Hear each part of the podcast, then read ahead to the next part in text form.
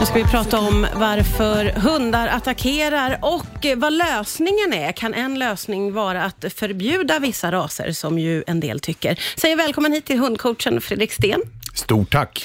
Du, varför attackerar en hund? Om vi börjar där då. Ja, det är en bra fråga och jag brukar säga så här av tre olika anledningar kan man säga. Ett, det är det som vi kanske känner igen mest. Jag vaktar något.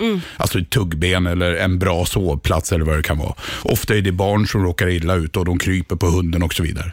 Det är en anledning. En annan anledning är ju att hunden blir rädd. Och Det ser ungefär likadant ut, att man tränger hunden. Det vill säga hunden hittar ingen utväg, därför vill den bita för att freda sig. Båda de två anledningarna handlar ju om för hunden att skapa avstånd kan man säga. Ja, just det.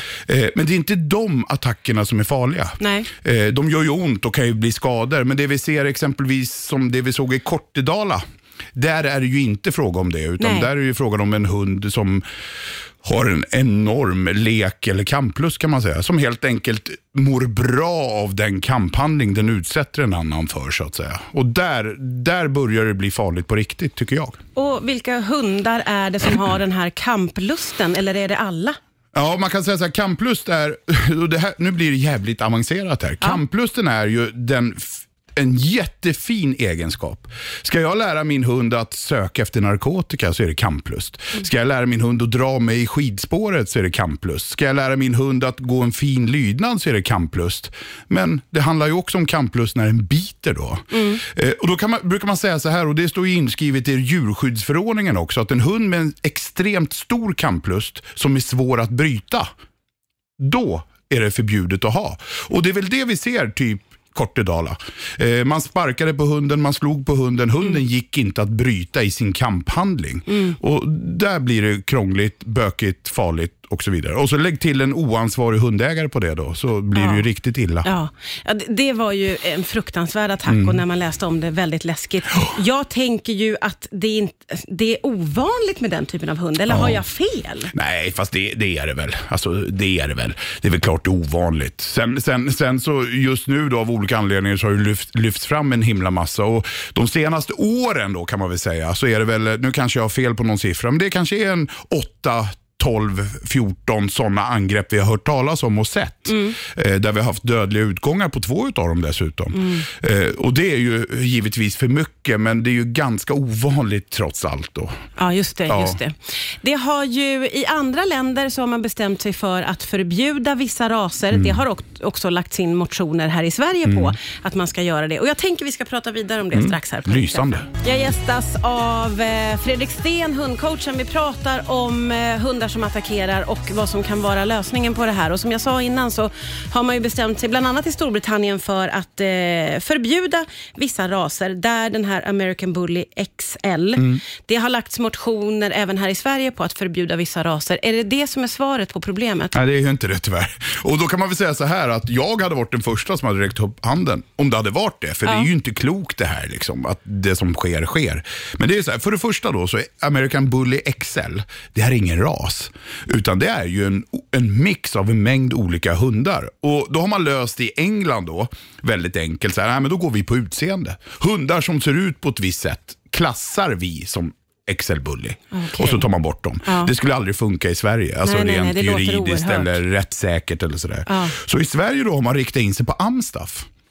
Eh, Och jag förstår att man har hamnat där, men det är jättetokigt liksom. Varför förstår du att man har siktat in sig på Amstaff? Eh, för att för gemene man så ser det ut som Amstaff, de här hundarna. Ja. För gemene man. Eh, men man kan säga så här då att alla olyckor jag har studerat, och jag, jag har ju inte dunderkoll på allt, men jag har mer koll än gemene man.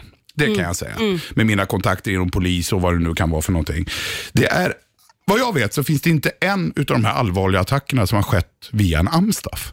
Utan det är andra raser, Ja. alltså rottweiler, malinois, som man inte ens har pratat om. Nej, det har man ju inte. Och sen blandisar, Ja. där det säkert finns Amstaff inblandat. Ja, I bland- de här blandisarna kanske det är tio olika hundar. Och där finns det säkert Amstaff, säkert. Men det blir ju jättefel då om man pratar om ett Amstaff-förbud så att säga. Ja, just det. Det skulle slå helt Det skulle galet. slå helt fel. Det skulle bara vara de som sköter sig som skulle bli drabbade av förbudet. Och sen går ju, om jag får använda uttrycket, skithundarna fria ändå. För det går ju inte att bevisa att det är Amstaff i dem. Och då säger någon, så här, ja, men då får man göra ett DNA-prov. Ja, vad ska det säga? Ja. För DNA-testar du din Jack Russell och min chefer, var, de har, är ju släkt också. Var, Ja, ja, ja. var drar vi gränsen så att säga? Ja, Det blir för luddigt. ja det blir jättekonstigt. Men vad, sku, vad skulle behövas då för att komma till rätta Mm. med hundattacksproblemet, tycker du? Nej, det är ju, vi har ju en bra lagstiftning i Sverige, faktiskt. har vi, Men den följs ju inte. Eh, lagstiftningen säger ju, först har du det här strikta ägaransvaret som är solklart. Du har ju allt ansvar för vad din hund gör.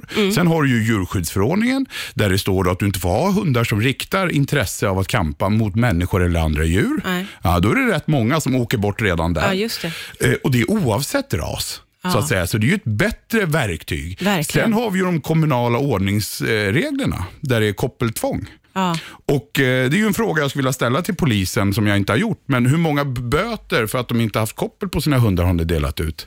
just och det är ju i princip noll. Ja. Eh, man kanske skulle börja använda sig av de lagar vi har. Börja följa Ja, lagarna helt Precis. enkelt. Ja. Och Länsstyrelsen då, som har ansvaret för det här, de sliter nog, men de har ju inte kunskap och resurser för det här.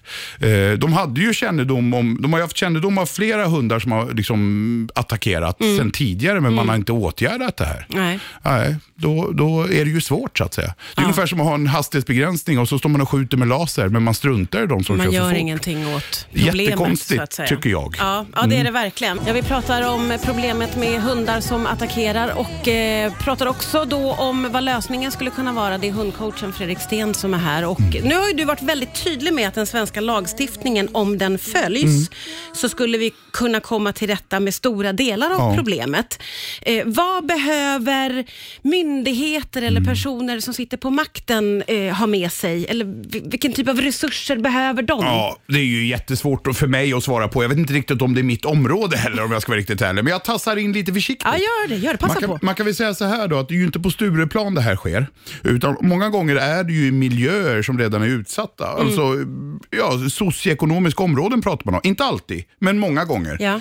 Och det är klart att det är ju jättesvårt för en tjej eller kille då, eh, från Länsstyrelsen kanske, att agera i de här eh, miljöerna helt För det är enkelt. Länsstyrelsen som är ansvariga för eh, hundar och Ja, problemhundar. precis. Som ska skicka ut någon då om det är Ja. någon som ringer. Ja, och där, där, där tar du ju tvärstopp liksom. Av, av förklarliga anledningar. Ja. Men det jag också tycker att man borde titta på, och det har jag ju nämnt i, i tusen olika an, eh, sammanhang här, det är ju någon typ av reglerad avel. För det är ju så här att idag kan ju jag ha en tokig rottweiler som bit, äter barn till frukost, som dessutom har ont någonstans, kan jag para med din motsvarande hund. Och så parar vi dem och så bara wow vad kul. Det är fritt fram Det är och fritt. para hur som helst. Det är fritt. Ja. Och där måste man ju också titta givetvis. Liksom, ska det verkligen vara så? Vad Nå- skulle det kunna leda till om vi skulle få till en sån förändring? Jo, och då, då kan man tänka sig så här då. Om man tänker sig en skala. Den extrema vänstersidan har vi Kennelklubbens regler. Det är mentaltester, det är hälsokoller, det är tävlingar, det är bruksprov. Alltså det är extremt. Ja. Mm. Och så på den andra sidan har vi ju inga regler alls. Och däremellan finns det ju en lång skala som man skulle kunna liksom lägga in. Men ta då exempelvis här, okej, vi skriver in i djurskyddsförordningen. Ska du avla på din hund så måste du ha ett veterinärintyg på att din hund är sund och frisk. Låter ju rimligt. Låter rimligt. Eh, då måste alltså skitstöven gå med sin tokiga hund till veterinären, betala 3000 kronor för det är vad det kostar och få ett veterinärintyg. Ja. Och när du åker dit så kanske veterinären säger, men snälla du, din hund ju- har ju öroninfektioner eller vad det nu är, så tyvärr, du får inte godkänt här. Den lilla regleringen Mm. Just skulle det. kunna göra en enorm skillnad. Ja. Och då säger någon, ja men de avlar ju ändå.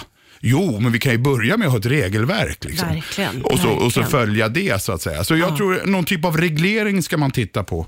Eh, och sen givetvis eh, så ska man ju titta på det här med skatteverk och ekobrott. Ja. Det här är ju stora pengar i det här. Ja, det alltså börja följa upp lite grann. Gör man rätt för sig gäller skatt och moms?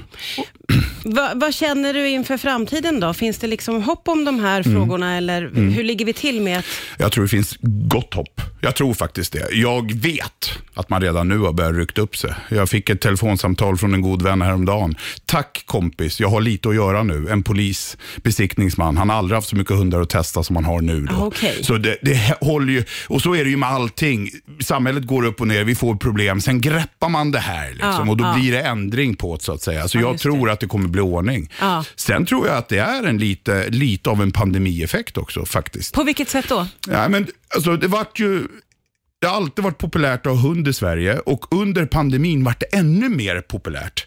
Eh, alla skulle ha hund och det avlades en jävla massa med hundar. Man parar med allting, Ja. apropå oreglerad avel. för att ha Efterfrågan var så himla stor. Ja. Ja. och de hundarna nu börjar bli så här två, två och ett halvt, tre år. Ja. Och det är klart, är man inte intresserad på riktigt och den här stackars hunden man drar, ja det är lätt att det är de som är de här typen av hundar som ställer till elände, tror jag. Ja, just det. Jag tror en kombo. Vad har man för ansvar som hundägare då? Hundraprocentigt fullt ägaransvar Mm, faktiskt.